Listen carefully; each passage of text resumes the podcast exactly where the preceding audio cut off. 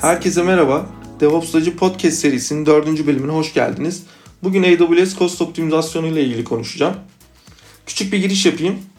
AWS çok yaygın bir şekilde kullanılıyor. Fakat costlar hakkında çok çeşitli söylentiler var. Bugün ben bunu iki, iki başlık altında toplamaya çalışacağım.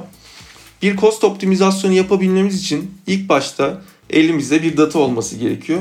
Ve bu datayı nereden sağlayabiliriz? Bu datayı şu şekilde sağlayabiliriz. Bir, AWS bu konuda gerçekten güzel servisler sunuyor bize. Bunlardan bir tanesi nedir? Trusted Advisor servisi. Trusted Advisor servisi cost optimizasyonu ile ilgili bize güzel bir rapor sunmakta. Bu raporun içeriğinde neler var?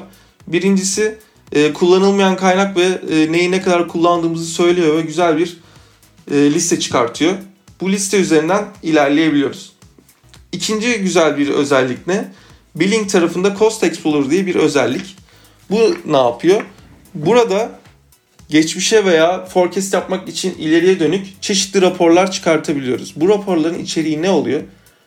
Hangi kaynak ne kadar cost kullanmış onu görebiliyoruz. Burada şu şeylerden e, de faydalanabiliyoruz. Eğer siz kendi kullanmış olduğunuz instance'larınızı, kaynaklarınızı taglerseniz taglere göre de Cost Explorer'dan raporlar çekebiliyorsunuz. Bu iki özellik AWS'in kendi içinde barındırdığı iki servis. Peki bunların dışında neler var? Mesela bir open source proje var. Netflix Ice. Ee, Netflix Ice'a eğer sisteminize kurduğunuz zaman bir belli bir kullanıcı ile sizden data topluyor billing tarafından ve bunu bir dashboardda size gösteriyor. Bu kullanılabilir bir servis, open source veya Cloudhealth tarzı e, ticari SaaS ürünler kullanabilirsiniz. O, e, onlar da aynı şekilde datayı toplayıp size önerilerde bulunuyor. Peki bunların dışında ne yapabilirsiniz? Bir lambda fon- fonksiyon yazarak, küçük bir lambda fonksiyon yazarak bunu işte Redshift'e gönderebilirsiniz ve oradan e, kendiniz çeşitli raporlar çıkartabilirsiniz. Şimdi data toplama tarafını e, tamamladığımızı düşünüyorum. Elimizde bir data var ve bu datayı biraz anlamlandırmak istiyoruz. Yani bu datadan faydalanmak istiyoruz. Peki cost optimizasyonu nasıl yapabiliriz? Şimdi AWS'in en güzel e, modellerinden bir tanesi ne? Reserved Instance. Reserved Instance bize gerçekten e, %40'a varan cost optimizasyonu sunmakta. Yani bir yıl veya 3 yıl kullanacağınız bir instance'ı commitment'ını verirseniz e, %40'a kadar indirim alabiliyorsunuz.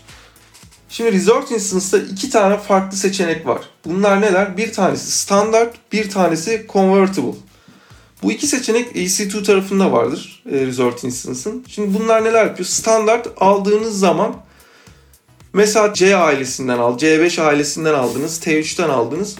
Standart aldığınızda bu e, family'ler arasında geçişler yapamıyorsunuz. Convertible aldığınız zaman örnek veriyorum C, C5 serisi aldınız. Bunu ilerleyen zamanlarda başka bir family'ye çevirebiliyorsunuz. Burada dikkat edilmesi gereken diğer bir konuda ne? Bu rezerv, rezerv, rezervasyonu yaptığımız zaman bir ön ödeme yapabilirsiniz. Bütün hepsini ödemiş olabilirsiniz bir yıllık kostun. İki parçalı ödeme yapabilirsiniz. Üç hiçbir ödeme yapmazsınız e, ve bir yıl bunu kullanacağınızın commitment'ını verirsiniz veya 3 yıl kullanacağınızın commitment'ını verirsiniz.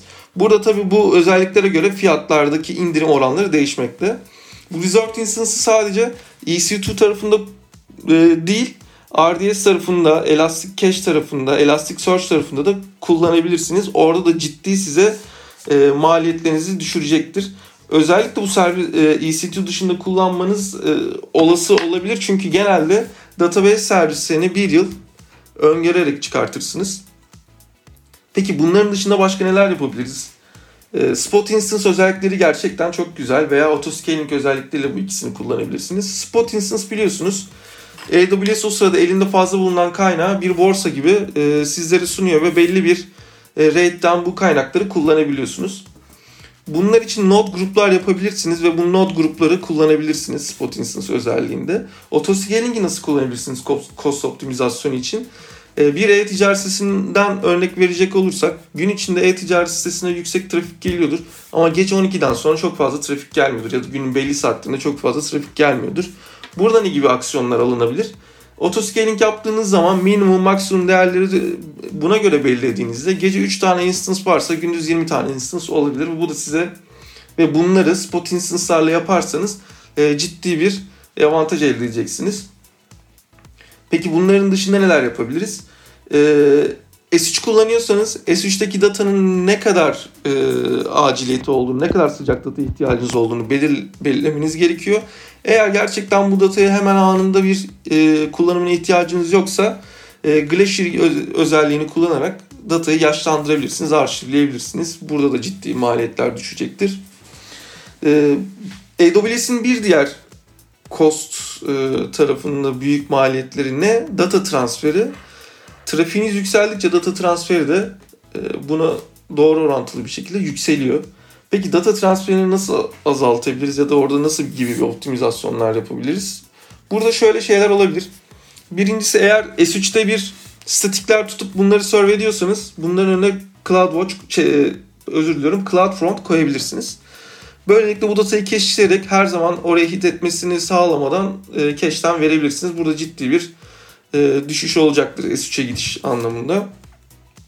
Veya her şeyi multi-AZ yapmanıza gerek yok. Bazı şeyler sizin için multi-AZ ihtiyacı yoksa yani e, birden fazla availability zone'u çalıştırmak istemiyorsanız RDS tarafında mesela bunları da e, tek bir AZ'ye koyabilirsiniz. Burada da ciddi bir data transferi e, optimizasyonu olacaktır. Bütün bunların dışında kullanılmayan infrastructure özellikleri aslında şeyler Elastic IP gibi, e, Elastic Load Balancer gibi servislerin atıl olan servisleri silmek ve e, bunları takip etmek çok önemli. Çünkü bazı kaynaklar açılıyor ve unutuluyor veya kullanılıyor. Kullanılmadıktan sonra orada mesela bir instance siliyorsunuz. Onun bir elastik IP'si olabiliyor ve ona bağlantılı bir load balancer olabiliyor. Bunları da silmeyi unutmamamız lazım. Aynı şekilde burada out'u olan volümler de olabilir. Diye edilmiş kullanılmayan volümler de silindiği zaman gene costa katkısı olacaktır. Ee, diğer bir taraftan da dinamik test ortamları sağlayabilirsiniz kendinize. Bunu nasıl yapabilirsiniz? Mesela e, test ortamları, stage ortamları gece açık kalması gerekli değilse bir lambda fonksiyonu yazarak onu schedule edersiniz. İşte örnek veriyorum akşam 9'da bu sistemler stop olur. Sabah 7'de start olur. Burada da ciddi gene bir maliyetten e, kaçırmış oluyorsunuz. Şimdi şöyle kalabalık ekiplerle çalıştığınızda hepsinde AWS IAM account olduğu zaman tabii e, biraz daha bu işler zorlaşıyor. Burada da IAM user'ın yetkilerini kullanarak çeşitli kısıtlamalar yapabilirsiniz veya blink alertler koyabilirsiniz. 5-10 e, kişinin aynı servisi kullandığı zaman aynı account üzerinden AWS account üzerinde işlem yaptığı zaman e, ortaya ister istemez bir dağınıklık çıkabiliyor. Bunu da bu IAM permission'lar üzerinden veya işte blink alertlerden kontrol edebiliyorsunuz. Böylelikle bu tarafta da size e, cost efektif e, operasyon sağlıyor olacaktır. Benim bugün size anlatacaklarım bu kadar. Umarım hepiniz için faydalı olmuştur. Bize aşağıdaki bilgilerden istediğiniz gibi ulaşabilirsiniz. Kendinize iyi bakın. Görüşmek üzere.